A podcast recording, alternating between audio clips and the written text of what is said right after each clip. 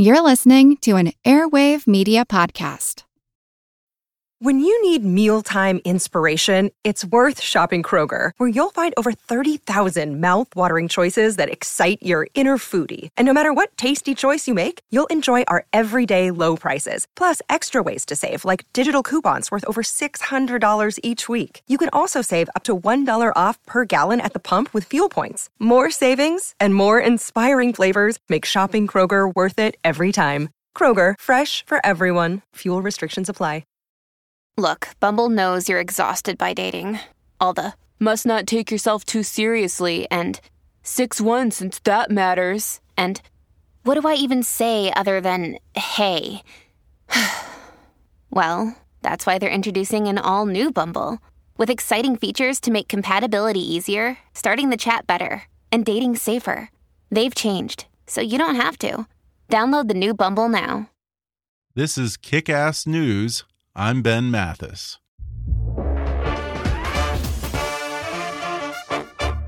Folks, do you enjoy listening to Kick Ass News? Well, then become a part of what I'm doing here and help support the show by going to patreon.com slash kickassnews and making a donation. Your encouragement and support is always appreciated. And now, enjoy the podcast. Hi, I'm Ben Mathis, and welcome to Kick Ass News. Folks, I've gotten a few emails and complaints on social media that I'm not giving enough airtime to supporters of Donald Trump. So today, I'm having a guest who is probably the biggest pro Trumper in the media, Ann Coulter, who has a new bestseller called In Trump We Trust E Pluribus Awesome. And I'll warn you if you're getting tired of hearing me talk about Donald Trump, this may not be the week for you. Because later in the week, I'll give equal time to the other side with a journalist named David Cay Johnston, who also has a new bestseller about Trump, which takes a decidedly different position on the man he covered for 30 years for the New York Times. But first, today, I'm delighted to finally welcome her on the show. She's the woman conservatives love and liberals love to hate, political columnist, author, and pundit, Ann Coulter. Prior to becoming an opinion writer, Ann Coulter had a career in law. After graduating from the University of Michigan Law School, Coulter clerked for Judge Pasco Bowman II in the Eighth Circuit Court of Appeals and then worked in private practice in New York City. Coulter later worked as a legal staffer for the Senate Judiciary Committee, where she handled crime and immigration issues for Senator Spencer Abraham. From there, she became a litigator for the Center for Individual Rights. After advising the legal team in Paula Jones' suit against then President Bill Clinton, Ann Coulter wrote her first book, High Crimes and Misdemeanors The Case Against Bill Clinton which made it to number five on the New York Times bestseller list for nonfiction in 1998. She followed it up in 2002 with her second book, Slander Liberal Lies About the American Right, which made it to number one on the nonfiction bestseller list. All told, she's had a dozen New York Times bestsellers, including last year's book, Adios America The Left's Plan to Turn Our Country into a Third World Hellhole and her newest book, In Trump We Trust. Coulter is a legal correspondent for Human Events magazine. She writes a popular nationally syndicated column, and she's a frequent guest on Hannity, Red Eye, Real Time with Bill Maher, Fox and Friends, The O'Reilly Factor, The Today Show, and Good Morning America. In her latest addition to the bestseller list, Ann Coulter says Donald Trump is, quote, a one man wrecking ball against our dysfunctional and corrupt establishment, and she encourages Americans to join the revolution.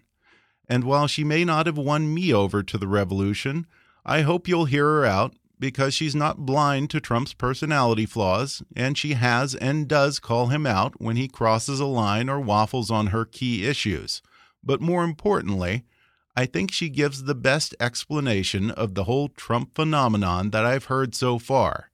And it's probably not what you're hearing from either the mainstream media or the conservative media. Today, she makes the case for why Trump is uniquely suited to take on the political establishment, why he can get away with addressing issues that no one in Washington seems to want to talk about, and how he may finally be the one to propel the Republican Party out of the Reagan era. We talk about Trump's meeting last week with Mexican President Nieto and his recent flirtation with softening his stance on deportation. And then she answers questions from you, the listeners, including Is she a lizard person?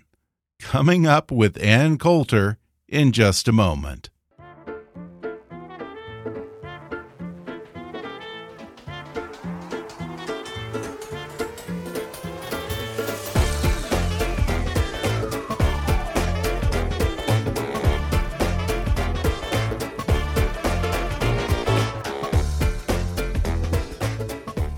I'm joined over the phone today by that shrinking violet Ann Coulter. She is a sought after lecturer, nationally syndicated columnist, and the author of 12 and now, I believe, 13 New York Times bestsellers. She has a new book called Emily Post's Essential Guide to Modern Etiquette. I'm of course kidding. She, it's called In Trump We Trust, E Pluribus Awesome. Ann, thanks for calling in. Um, just to be fair, since I would definitely correct you if you got it wrong the other way, this is the number 12th New York Times bestseller. Ah, okay. Fantastic. I get confused myself on how many I've written, though I, my friends were reminding me last night that at least after the first couple of books, every book I write, I say, okay, that's it. I got no more books in me. Well, simply because there's been so much speculation about the pro Trump media's agenda, and now Ailes and Bannon are, are, on the campaign, I have to ask do you have any affiliation with the Trump campaign? Uh, no, I'm I'm I'm just a groupie. Okay. I'm okay. a fan. Okay. And Mr. Trump follows me on Twitter. It's a very important Twitter feed. well, that's an exclusive list. I think there are probably less what less than 30 people that he follows on Twitter or something like that. Yeah, I think it's me and Barron. you and Barron, I love it. so there's no secret deal for you to have a show on his 24-hour Trump news network after the election, right? Uh, no, and I don't think he's going. I would love a network that is not totally in the tank for open borders. I think it's a great idea, and a wealthy person could make a lot of money doing that. But I do think Trump is going to be the next president, so he won't have time for a TV network. Well, you know, I enjoyed the book. I have to say, I am. I don't want to say I'm never Trump. You know, maybe he'll surprise me. I I, I don't want to draw any lines in the sand because that's always how I get my face pushed in the sand eventually, inevitably. but I'm hesitant about Trump, and I will give you credit for this much. This book gives the best real explanation for the Trump phenomenon that I've heard yet you know, the media loves to say that, you know, it's all just because of his celebrity or white nationalism or reality TV culture, general anger at the establishment. But, you know, to paraphrase Carville, I, I think that you probably could have just as easily titled this book, It's Immigration, Stupid. Is yeah. that what we're missing here? Is it really that oh, simple? The media has been missing it for such a long time. We're slowly getting one year into this, we're getting, you know, slow, grudging admissions that, huh, maybe people aren't wild about immigration. But I'm so glad that you told me that and that you've read my book because it was was really written with people like you in mind. Because, um, I mean, I understand the hesitancy. If you had asked me about Donald Trump before that blockbuster opening speech, I probably would have said a lot of the things the Never Trumpers are saying now um, oh, come on, he's tacky, he's coarse, you can't be serious. Um, he's never run for political office. It really was completely his issues. Um, and I do think now, watching him, um, as I describe in the book, a lot of things that I thought were were were not only disadvantages but kind of embarrassing about him um, turn out to be huge advantages. I mean, when you see, uh, he's really pulled back the co- curtain on the elites and their demand for a never-ending supply of cheap labor, um, and for the Democrats, a never-ending supply of basically automatic Democratic votes. But I'm more concerned about you know the overall country and our working class. And not just both political parties working to help Wall Street and and the corporate owners, um, and it, it really exposed even my party. I always thought I kind of knew the Democrats didn't really care about the working class. They'd give it, you know, a little lip service and then get into office and say, "Well, what do you need, Wall Street?" But I thought my party cared about about regular, ordinary Americans. And then Trump comes along and says, we have to stop this. We have to do something for for our working class, for the manufacturing base in the country. And and he gets this furious reaction, not just to the gold fixtures, which I would totally get rid of, um, but to to his actual policy proposals. That's what I think people are voting on. That's what the enthusiasm is about. It's not I, I've never seen his reality TV show. I never really thought about him very much. It's what his issues are, and and it really is a lot. Um, um, it's between him and the people, all the rallies and the Twitter feed. I mean, he slightly will will will change his message, not change his message, but stress different parts of his message depending on um, I mean, applause, but by applause I mean more the medical, metaphorical applause. He's, he, he has a sense for what America is dying to hear. You know, better trade deals. Stop dumping poor people on our country. Put, put, put our interests first. Save Social Security by not giving it to immigrants and so on and so forth. It really is a very issue based campaign. Yeah, and in there you say that you've yet to meet someone who says that they disagree with Trump on the issues. I just like his personality. and that, exactly. that does definitely runs counter to this whole narrative of his supporters as a personality cult. Absolutely. Oh my gosh. I mean, and that's when it occurred to me because I kept thinking at first, oh my gosh, he's saying everything he's pushing all the right issues, but why couldn't why couldn't he be Mitt Romney? And as soon as that thought enters your head, you realize why it couldn't be Mitt Romney. By pushing issues for ordinary Americans and not serving the elites, by which I mean to include the media, um, the donors to both political parties, um, the the attacks on him were were and continue to be they're they're even worse now. Just it's just the daily slander um, on Trump, and I, you know, Romney couldn't have taken two minutes of this abuse. I kept waiting for Trump to back down the first two weeks. Um, I must say, I didn't, I did not, I did not completely take him seriously for the first two weeks. I loved his issues. I thought those were the winning issues. But it, it took a few weeks for me to see, oh my gosh, he's not backing down. Yeah, and based on your last bestseller, Adios America, immigration has been your issue for the past year or more. So was, was that what convinced you? Research on on Nexis, and uh, it's been my issue since 2006. It was hard to get out because um, every single network, including Fox News, as um, this report in, I think it was today's Observer, I was just reading it about, you know, the downfall of Roger Ailes, but it gets into a lot of behind the scenes stuff. A lot of my friends were emailing me because I've been telling them forever. Murdoch, Fox News, Wall Street Journal, they are totally for open borders. They're, this is so dangerous that people see Fox News as the quote conservative network when Yes, they are on everything except one issue, the most important issue facing the country. Um, so it's not, it may not be as obvious as as as ISIS or something, um, and or the Iraq War, um, what my positions were on other issues, but. Um, I was randomly coming across interviews I was doing. It was when uh, George Bush first pushed pushed amnesty. But I thought, oh my gosh, what are you doing? And after that, um, we could be talking about the Commerce Secretary, and somehow I would slip in something on immigration. yeah, and it's strange timing because, you know, Reince Priebus, the chairman of the RNC, was desperately trying to avoid this issue coming into this campaign. And after he had done the whole autopsy after 2012, is he wrong about that? Was this not a major issue in why Romney lost in 2012?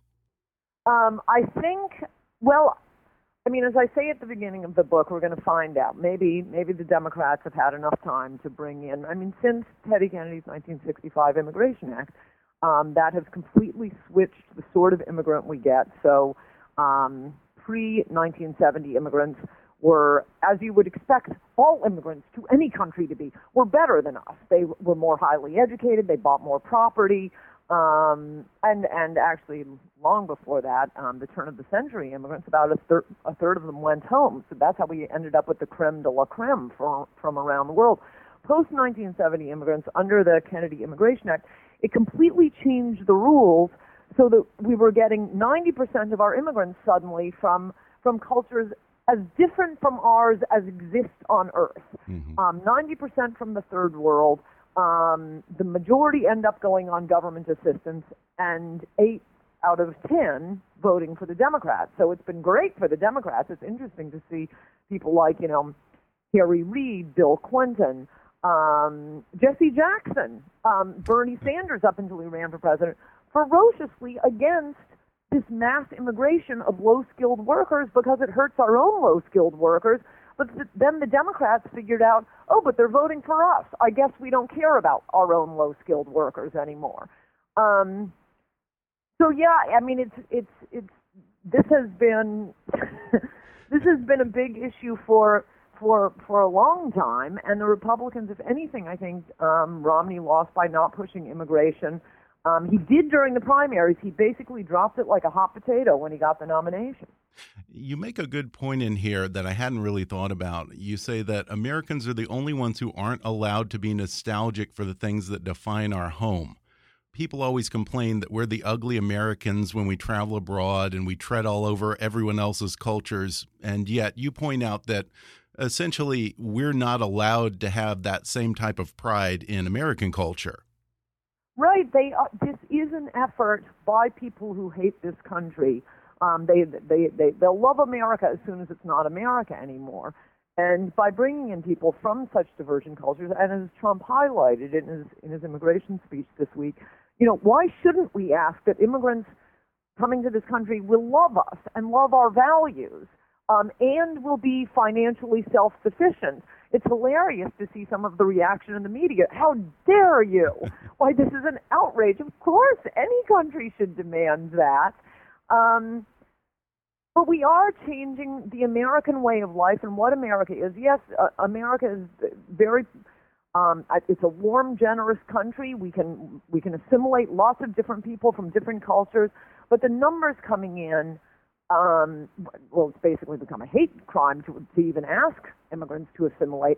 But it also is is much harder, virtually impossible, I'd say, because of the vast numbers coming in from you know Bangladesh, Somali, um, from Vietnam. We have all the Hmong communities. Um, obviously, from Latin America, our largest um, group of legal immigrants come from one country, from Mexico. We've already taken one quarter of Mexico's population. You know, at what point are we quote diverse enough when we've taken all every last Mexican into the country? Um, do we need the whole population? Is it half of it? Um, th- this is trans- fundamentally transforming America into some other country, and the people who are going to suffer the most are, are women, children, plants, animals, the most vulnerable Americans great for the for the super rich. They have lots of cheap labor, and it's not their emergency rooms that are being overrun, um, not their schools that have to cancel, you know, cancel other programs because it's all being spent on English as a second language.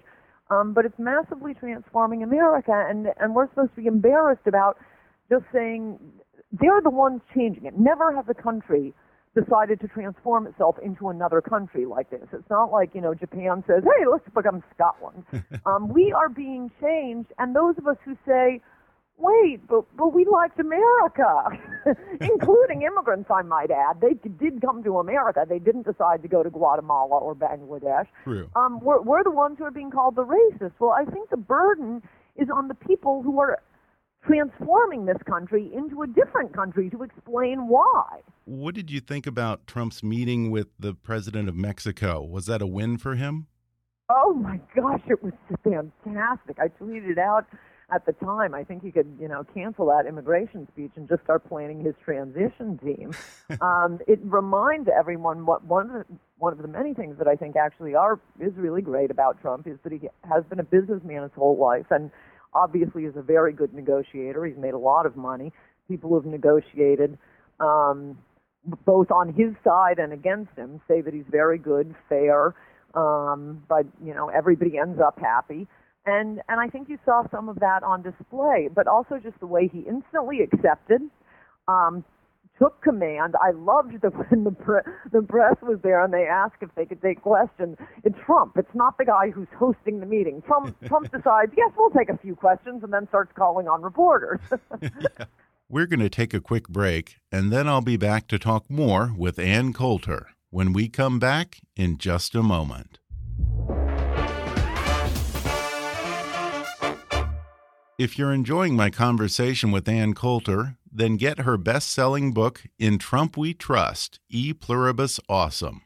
And right now, you can download the audio version of her book for free with a special promotion just for our listeners from audible.com. Just go to audibletrial.com slash kickassnews for a free 30-day trial and a free audiobook download, which can be In Trump We Trust by my guest today, Ann Coulter, or any of Audible's 180,000 titles. That's audibletrial.com slash kickassnews. Or click the sponsor link on our webpage to download the free audiobook of your choice. And now, back to the show. The other day, he seemed to walk back his statements about deporting illegals. Did that give you pause? yes, I hysterically denounced him on Twitter, but I've done that before. Um, I will. He's my guy, but I will criticize him when when he gets things wrong. He did in one of the debates on H-1B visas. I wasn't wild about that retweet he sent of the unattractive picture of of uh, Heidi Cruz, but you know these are constructive criticisms I'm, I'm giving, and I think that all that drip, drip, drip about the softening, and I, I, I describe some incidents like this in my book I think he's a much more brilliant strategist than than people, many people are giving him credit for. I mean, look at what that whole um, the whole sort of hinting at the softening led to. He accomplished three major objectives. Um, number one, and most importantly, uh, since the convention, Trump has been giving speech after speech every day. I've watched not all of them, but a lot of them online. And oh my gosh, they are fantastic. I will criticize Trump when I think he's done something wrong. Since the convention, these speeches, there is not a syllable I would change. Just fantastic speeches. And then, and I kept noticing when I watch one, sometimes online. I think there was one they showed on TV. I kept noticing why isn't the media showing these speeches? You don't see Trump speaking himself. What you see is commentators saying, "Oh, it was awful. It was mean. It was dark. It was ugly. You don't want to see it. Trust, trust us, viewers." So for one thing, he tricked every cable news station into showing one of the most important speeches, one of the greatest speeches I've ever seen, fully live, gavel to gavel, as the expression goes, um, including those angel moms. And he has the angel moms, the mothers and, and fathers of children who have been murdered by illegal aliens. A lot of them come on stage at his events. Um, Trump tricked all three networks into covering his speech trick them into showing the angel moms because they're waiting for the, you know, softening. So that's one huge thing he accomplished. That's the most important thing he accomplished because the media is being so unfair to him. Um, the second thing he accomplished was um, any of his advisors, whom we've been hearing, you know, and who knows if it's true. So I'm not necessarily blaming these people. I'm just saying what's been reported. Whether it's um, Kellyanne Conway, which I kind of doubt, um, who's pushing the softening, um, Rudy Giuliani, Chris Christie, right. Roger Ailes, um, Sean Hannity, you know, all of them supported the Gang of Eight amnesty, right. and there are stories that they've been pushing him. Oh, you got to soften to get the soccer moms, get the soccer moms. So the the second thing he accomplished is he floats this as a trial balloon, and I think the grassroots responded and responded okay. thunderously. So he can turn to them now and say, "Okay, enough of the softening." And the third and final thing he accomplished, um, which I, of course, think was at the top of his agenda, was he totally helps promote my book. The only time the media right. notices I exist is when I have, you know, the slightest constructive criticism for him. Given the fact that he does sometimes play both sides of issues, were you at all hesitant about committing yourself to the book title In Trump We Trust? I thought it was a fun title and it made me laugh. And that's how I okay. decide things. Does it make me laugh? It sounds Trumpian. Okay, but you know that they're going to beat you over the head with that title. uh, I like it. It's hard to beat someone with something that's funny. How about the self financing? Because you talk about that in the book as one of the best assurances that he was going to do what he said and not be owned by anyone. Do you worry now that he might be beholden to the donor class now that he's taking donations? Not really. Um, I mean, this is pushing issues that are important and popular and winning lots of voters. That's how you win elections. This is what what has gotten him where he is. And the other thing I've sort of noticed since since Trump came along, and and I say this in the chapter on I think it's uh, chapter three on the consultants and the donors. Um, the Washington insiders I hate with the hot, hot hate of a thousand suns. They don't care about the country. They care about their jobs and their kids' college tuitions. They are going to fight Trump tooth and nail because this is existential for them. The plutocrats, on the other hand, are a mixed bag. I think a lot of them, um, even though I've always made fun of them and and and dis- disputed this. I think a lot of them are actually totally patriotic and love the country, but they're busy doing whatever it is they do that makes them millions and sometimes billions of dollars. So you, the reason they were giving so much money to consultants was because they wanted some Republican to win, and the consultants would come to them them and say, Trust us. We know what we're doing. We're not going to let the candidate talk about immigration. That will destroy the candidacy.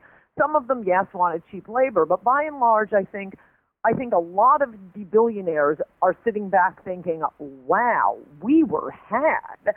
Um, Stuart Stevens and Mike Murphy have no idea what they're talking about, and, and we can save a lot of money now. Now there are some some of the plutocrat big donors um, really are in it just for themselves, and we're going to find out who they are right now. If, uh, if all they ever cared about was getting their own taxes cut and getting their own cheap labor, well, okay, they can vote for Hillary. They're gone. Good, good riddance.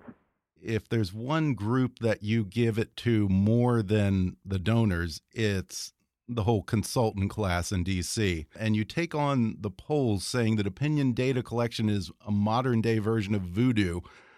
Let me ask you though, in the past two presidential elections, many of these polls were way off, but they were off in that they overestimated the Republican vote and the election it didn't end up being as tight as they predicted. Does that bode poorly for Trump in 2016? Well, generally the opinion collection polls I'm talking about aren't something just simple like who are you going to vote for? Okay. Um, when it's just, you know, a question like that, it's more where you get the fakery is on the immigration polls. 100% of the uh. immigration polls are big fat lies. Um, for one thing, just to describe briefly, whenever whenever um, Americans are polled on a path to legalization, it's always loaded up with hoops that the illegals will allegedly have to vote for, learn English, pay back taxes, um, rigorous vetting, all of which is a lie. Um, so, you know, just tell us the truth on the poll. And I would a- actually prefer not to talk about the immigrants themselves at all. Um, questions like, do you think illegal immigrants contribute to society? Because there you're, you're, you're pulling a sneaky trick. Americans are really nice people, and they don't want to insult right. anyone. How about not mentioning the immigrants, but just say, um, should there be more or less immigration? Okay. Okay. So you're Something saying that you're like you- that. okay. So it's more like push polls that you don't trust so much. Yes, exactly. So I I, am not saying I, I disbelieve the polls. I think the la- generally um, what you say is definitely true um, in the 2012 election, but I think um, I think because it showed them tied, and and, and I, that's why the, the night before the election I thought Romney was going to win because when it's tied, usually the incumbent loses um, thought there might be some of a Bradley effect and so on and so forth. But I think I'm not sure, but I suspect that um, Hurricane Katrina probably Mhm. and the whole Chris Christie thing was Right, probably a right. last minute thing that, that Okay. may have skewed the polls. Um, I think the polls will get will start to change. I still think Donald Trump. I mean, not not a slam dunk like I did for the nomination, but I think he's more likely to win than to lose. I think the polls will change. And at this stage, well, we'll I guess we'll see what happens, but I still think he's more likely to, to win than to lose. And also, I'd say, I mean, I probably shouldn't even say this right now, but the media, I've never seen the media like this. I've read about the McCarthy era, the Goldwater era, Yeah. the Nixon era. It's unbelievable. Would I put it past the media to be running, um, to be, you know, sort of biasing their polls? Uh, especially this far uh, out, in order to discourage Trump voters, I wouldn't put it past them. Now, as it gets closer, they don't want to embarrass themselves. Yeah, and I do want to say this. I will give him credit. He is saying a lot of things that I've been wanting someone in the GOP to say for a long time. I I kind of just wish there was a better messenger, but um, know, like for instance, ev evangelicals. to people like you. Well, that's what I thought too. but you know, but you you do point out, you know, you you say that Republicans have been getting a little too evangelically lately, uh -huh. and, I, and you, I'm an evangelical, but I don't need my presidential candidate having raptures on stage. Yeah, I mean, ha have the Ralph Reeds and the Jerry Falwell Juniors been allowed to get a little too much clout over the past 10 to 20 years? I swear, I think even Jerry Falwell Jr. is sitting back saying, Come on, knock it off. We don't need you speaking tongues on stage. I mean, Jerry Falwell Jr. endorsed Donald Trump. Right. The, you know, twice divorced, Fifth Avenue living, model marrying. Yeah. I mean, the only thing, I guess, is he doesn't drink, but there's actually nothing wrong with drinking in the Bible. It was Christ's first miracle. Right. Well, you know, the other thing that you point out, which I've been saying for a while, um, I enjoyed the chapter where you talk about the GOP Reagan mimicry. And with Trump, you know, here we are 35 years later. Are we finally entering the post Reagan era of the Republican Party now? no, and also, as I point out, they don't remember Reagan. This one of the things, oh my gosh, this has driven me crazy for such a long time. This optimism meme they have. um, I, I mean, they're buying into the liberal media's caricature of Reagan that it's much like with Trump that oh it has nothing to do with the issues. It's not that's not what people care about with Reagan. He's just he just seems like granddad and he's passing out candy to little kids and that goofy optimism. It was his personality people like. No, it wasn't. As with Trump, it was his personality. But moreover, and I went back and, and well, as you know from the book, but I did some, some general Nexis searches about the way, the way Reagan talked and then quoted from his one debate with Jimmy Carter whatever the opposite of optimistic is was Ronald Reagan in that debate. I take about eight quotes from that debate talking about our crumbling inner cities and you know um, the bad trade deals. And if something isn't changed, it, uh, it's lights out for America. It was incredibly quote dark and pessimistic. Reagan only got optimistic after he had been president. Yeah, and you also say that we need to cool it with all of this Cold War rhetoric. Yes, it's so strange It's like they want to go fight the Indians again. This this happy trigger finger for the Soviet Union. Look, I don't think I'd want to live in Russia right now, but it's not the Soviet Union. It's not a huge threat. I do not think there is. I think there are more transgenders in America than there are Americans worried about Putin going into Ukraine. Um, at, at, the end of the book, you say that the GOP either will follow his lead and end up a better, stronger party, or it will go the way of the Whigs. Now, does that still hold true if he loses? I have trouble thinking. Yes, but I have trouble even conceiving of it because I, I, I mean, I thought, I kind of thought the country might be over when Romney lost. We are so close to the tipping point on. Mm -hmm the demographic changes to this country. And I thought, okay, that's it. They did it. They had time to to change the country. Um, Republicans can't win another election nationwide. Where in another ten years we'll have nine Ruth Bader Ginsburgs on the Supreme Court, and um, the Republican Party will just be wiped out. And it won't even be the Charles Rangel Democratic Party versus the Nancy Pelosi Democratic Party. It will be, um, as it is in California and as it is on, in all multicultural societies, um, the um, Hispanic Democrats against the Asian Democrats against the Muslim Democrats. Suddenly, people start voting on on ethnic lines. Well, all people except except white Americans. Um, nobody nobody harangues us and says you're a traitor to your race for voting for the Democrats. No, no.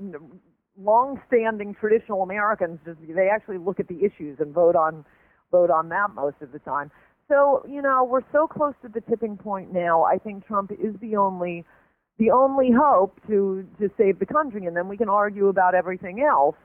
Um, but if Hillary is elected, I mean, she has already vowed to grant blanket amnesty across the board to all illegal aliens here, and it is not 11 million, it's 30 to 60 million. We don't even know, but it is minimum 30 million illegals here. She's going to more than quadruple the number of Muslim refugees she's bringing in. Um, I mean, that we already have Obama flying in to this day, quote, refugees that don't meet any definition of refugee from Central America, placing them in the, in the states that the Democrats need to flip from red to blue. Um, Republicans will have no chance. They will be wiped out. Um, and like I say, it'll be the Hispanic Democrats against the Asian Democrats. It'll be a transformed country. So there's really no point in then I stop caring about politics and start writing mysteries. there you go. Well, before we wrap up, I threw it out to listeners on social media to send in some questions, so I'll just wrap up with one or two of those. Audrey asked, and I hear this from a lot of liberals, how much of this do you actually believe? Are you just trolling America? Is it all for money? I don't know why liberals find it comforting to think that this is an act. I'm whooping their butts. I've had 12 New York Times bestsellers. If this is an act, think of what I could do when I actually believe something. And uh, the making money thing, no, no, there there are a lot easier ways to make money than going and attacking all the elites and the powers that be. I know. I'll I'll start writing books attacking the media, academia, Hollywood, um, all the powerful political players. I'll be a millionaire by noon. yeah, and it's funny because I hear this from liberals all the time. They'll wish a painful death on Sean Hannity or Rush Limbaugh or Drudge, but they seem to be a little gentler on you because somehow they've created this narrative where Ann Coulter doesn't really believe all this and she's just saying things to get a rise out of people. Does that bug you when they say that you don't believe what you say? no, I can still kick their butts. It shows what weaklings they are. But um, I, if this is them going gentler on me, um, I'm I'm not sure about. I think you may be wrong there. Um, oh, it reminded me of the chapter in my book on um, Trump isn't giving policy specifics. When he's the only one, as I described, interspersing that with you know headlines and his pol- his detailed policy papers um, and contrasting him with other politicians. You know, I never realized how much I hate my party until until Trump came along. And but I really just hate all politicians. They they have this art, which thankfully Trump doesn't have, and I can't imagine if he ever learned it, he'd want to, um, of not answering a question. What they do is restate what the question was. But they'll never tell you what their plan is. Whereas, you know, right. what are you going to do about illegal immigration? People are frustrated. Trump yeah. says, I'm going to build a wall. and so when people, it was so weird. Every time I walk into the kitchen, I have news on all the time. So when I'm making my coffee or dinner, whatever, I'm listening to it. It was always, well, he has no policy specifics. He just said, is he going to give us some specifics? What are his policies? And I think it's the same thing with this is just an act. They feel like they need to say something. Words must be coming out of their mouths um, and they should probably form sentences with a subject and a verb, but they can't actually respond to what I'm saying. They can't respond to what Trump is saying. So with Trump, it's no policy specifics. With me, it's oh, that's just an act. This is, okay, you have words coming out of your mouth, but it doesn't make any sense. yeah, and you do make a good point in there that no one remembers what any of the other Republican candidates' policies were on trade or immigration or just about anything right. It was all we need a disruptor to go to Washington. Right. I'm a I'm a constructive conservative. I've got an optimistic message. But what are you going to do? well, we'll close with a quick question from Bob who says, "Are you really a lizard person?" I'm a, a lizard person. A lizard person. Yeah, I don't know what that means. oh, that's you don't like know about this. This is the crazy conspiracy. this is the conspiracy that the the New World Order is run by, uh, I guess, lizards like V. Remember V? That whole miniseries. I hope you have some sane listeners, lamb chop, or I have just wasted a half an hour. if this is the tenor of most of the, I have just I think oh, it was said tongue in cheek. I hope so.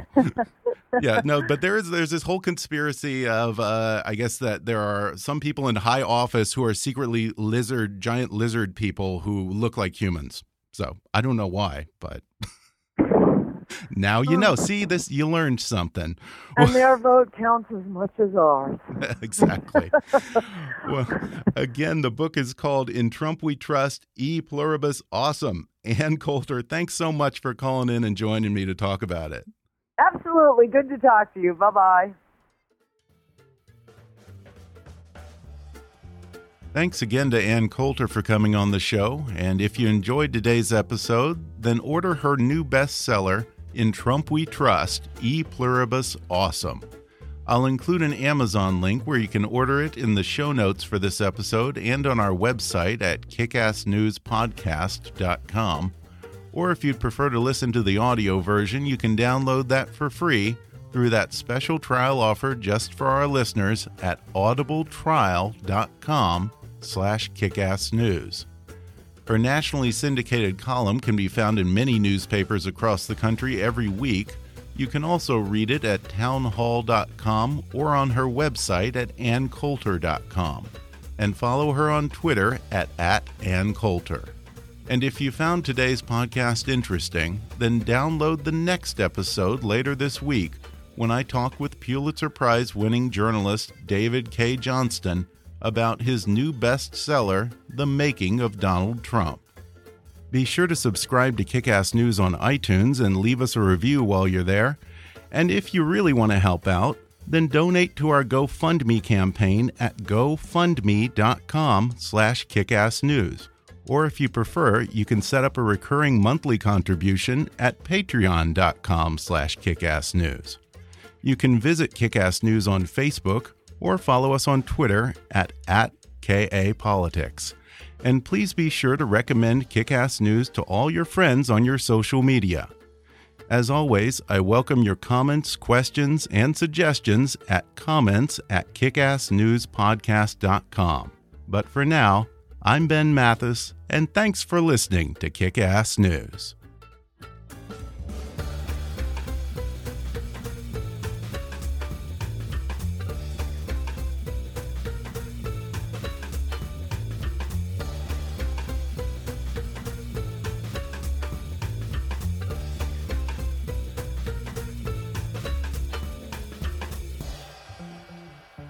Kick Ass News is a trademark of Mathis Entertainment, Inc.